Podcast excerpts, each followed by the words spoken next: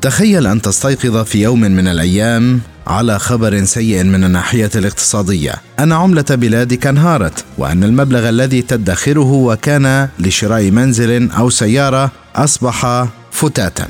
تخيل مع هبوط سعر العملة ستصبح الأسعار أعلى بكثير وربما تختفي السلع من الأسواق. فالجشع من قبل بعض التجار يطفو على السطح في ظروف صعبة كهذه. حلقة جديدة من بودكاست المحفظة تأتيكم عبر منصة بودكاست سكاي نيوز عربية على أبل جوجل سبوتيفاي أنغامي والعديد من المنصات الأخرى.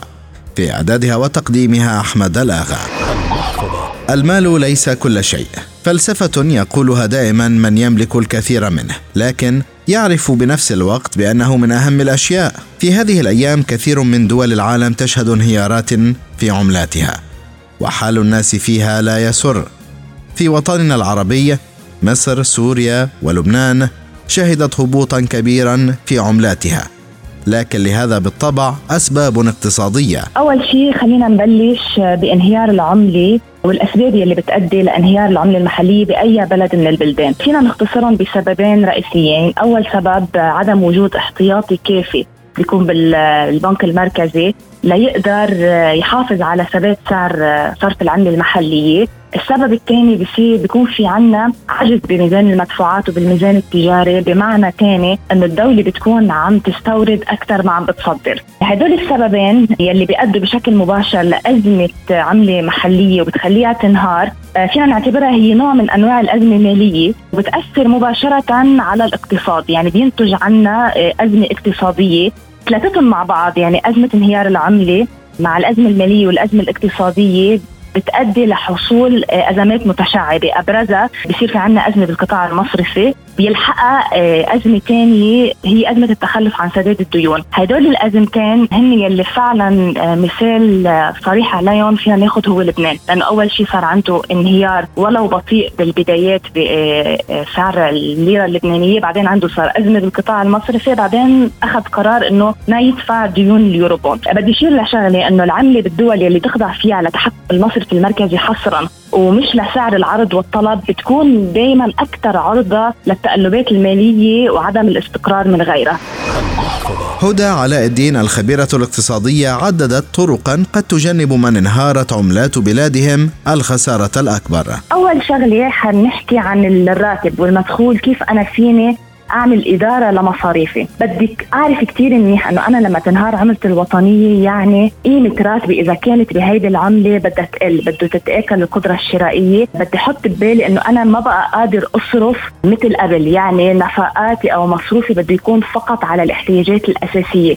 لأنه كل ما الليرة أو كل ما العملة المحلية عم تنهار معناتها قدرتنا الشرائية عم بتقل مقابل ارتفاع حيكون هائل بالأسعار سواء الغذائية أو الاستهلاكية أو حتى الخدمات خاصة ببلد إذا كان بيعتمد على الاستيراد لأنه كله أنت حتستورده بالدولار فبتضطر عم تدفعه على سعر صرف كتير عالي. إذا كان راتبك بالدولار نوعا ما أنت بتكون محمي. تحمي حالك من التضخم ما بيأثر هذا الشيء على مصروفك بصير عندك قدرة شرائية بتخليك تتكيف أو تتقبل إنه في ارتفاع بالأسعار. المشكلة دايما بتكون لما الراتب بيكون فقط بالعملة الوطنية. مشان هيك لازم الواحد يضبط ميزانيته لازم يتصرف بعقلانية وما يشتري كل شيء بحاجة لإله. وقد ما يقدر يحاول يوفر يعني مثلا آه، ينتظر إذا في أفراط عروض آه، يشتري بكميات كبيرة.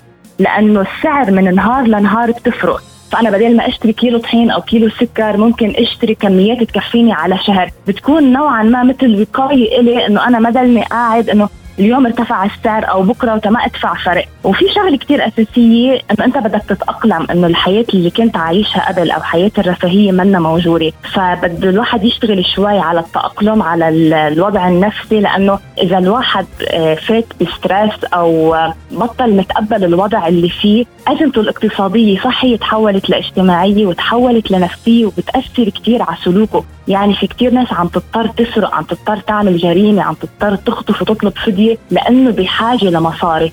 فضروري جدا نتكيف مع الأزمة إلى حين انتهائها. وممكن شغلة أخيرة أنه الواحد ينوع مداخيله يعني إذا عم يشتغل شغل واحد ممكن بعد الظهر يلجأ لشغل تاني. يحاول يفتش على مصدر تاني للمدخول لأنه مثل ما بيقولوا عندنا بالمثل بلبنان إنه البحصه بتسند خابيه كل ما كان عندك أنت مدخول أكثر بيساعدك إنه تتكيف مع الأزمة انهيار العملة الوطنية.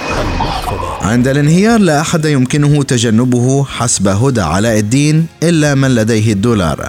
على الأقل في هذه الفترة فترة انتعاش الدولار.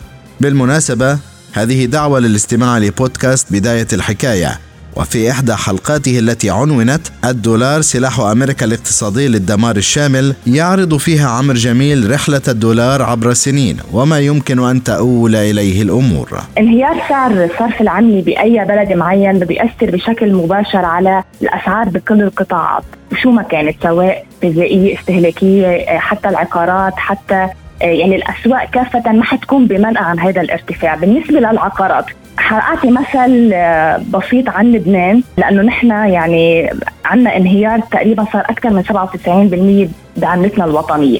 بأول الأزمة كان سوق العقارات آه، مزدهر لأنه العالم ركضت على البنوك وحاولت تسحب كل المصاري من من البنوك وراحت استثمرتهم بالعقارات، يعني هي بدل ما تحمي أو تخلي أموالها بالمصارف لأنه صار في عنا أزمة ثقة بالمصارف راحت اشترت آه، عقارات سواء أراضي أو بيوت. وقالت إنه بتستفيد منها ممكن تأجرها لبعدين وبتستفيد من مردودها، لكن مع اشتداد الأزمة والعملة لما بلشت تنهار أكثر صار السوق العقاري منه آمن، يعني الناس صارت آه، عم بتقول بدل ما أنا هالدولارات اللي معي روح اشتري فيهم عقار، لا أنا بفضل خليهم معي بالبيت أو اصرفهم على حالي كمأكل ومسكن لأنه سوق العقارات بطل آمن. يعني تحول من طفرة إذا بدك من أول الأزمة 19 20 صار في ركود. فدائما انهيار العملة بيؤدي بمحل معين لركود بالقطاع بالقطاع العقاري لأنه ما حدا حيكون قادر يستثمر بالعقارات أو يشتري إلا يلي معه بس العملة الصعبة، انتين الاستثمار بالسوق بالعقار بيكون آه له نواحي إيجابية. في كتير ناس بتلجأ لبيع أراضيها أو ممتلكاتها لتحصل على دولار. فإذا أنت لقيت بيت أو أرض بأقل من كلفتها يعني على سبيل المثال إذا أنا شارية شقة أرض ب ألف دولار لأنه في أزمة ممكن بيعها ب ألف دولار. فهيدا هون بيكون استثمار جيد لأنه أنت عم تاخذها بسعر أقل من التكلفة. بس هيدا بتبقى حالة من عشرة يعني وما بيلجأ لهذا الخيار إلا يلي معه بس دولار فريش. في النهاية أنت أدرى فقرارك بين يديك. إلى هنا وصلنا إلى ختام هذه الحلقة من المحفظة والتي أتتكم عبر منصة بودكاست سكاي نيوز عربية على أبل جوجل سبوتيفاي أنغامي والعديد من المنصات الأخرى. في إعدادها وتقديمها أحمد الآغا وفي الإخراج الإذاعي غسان أبو مريم. إلى اللقاء. المحفظة.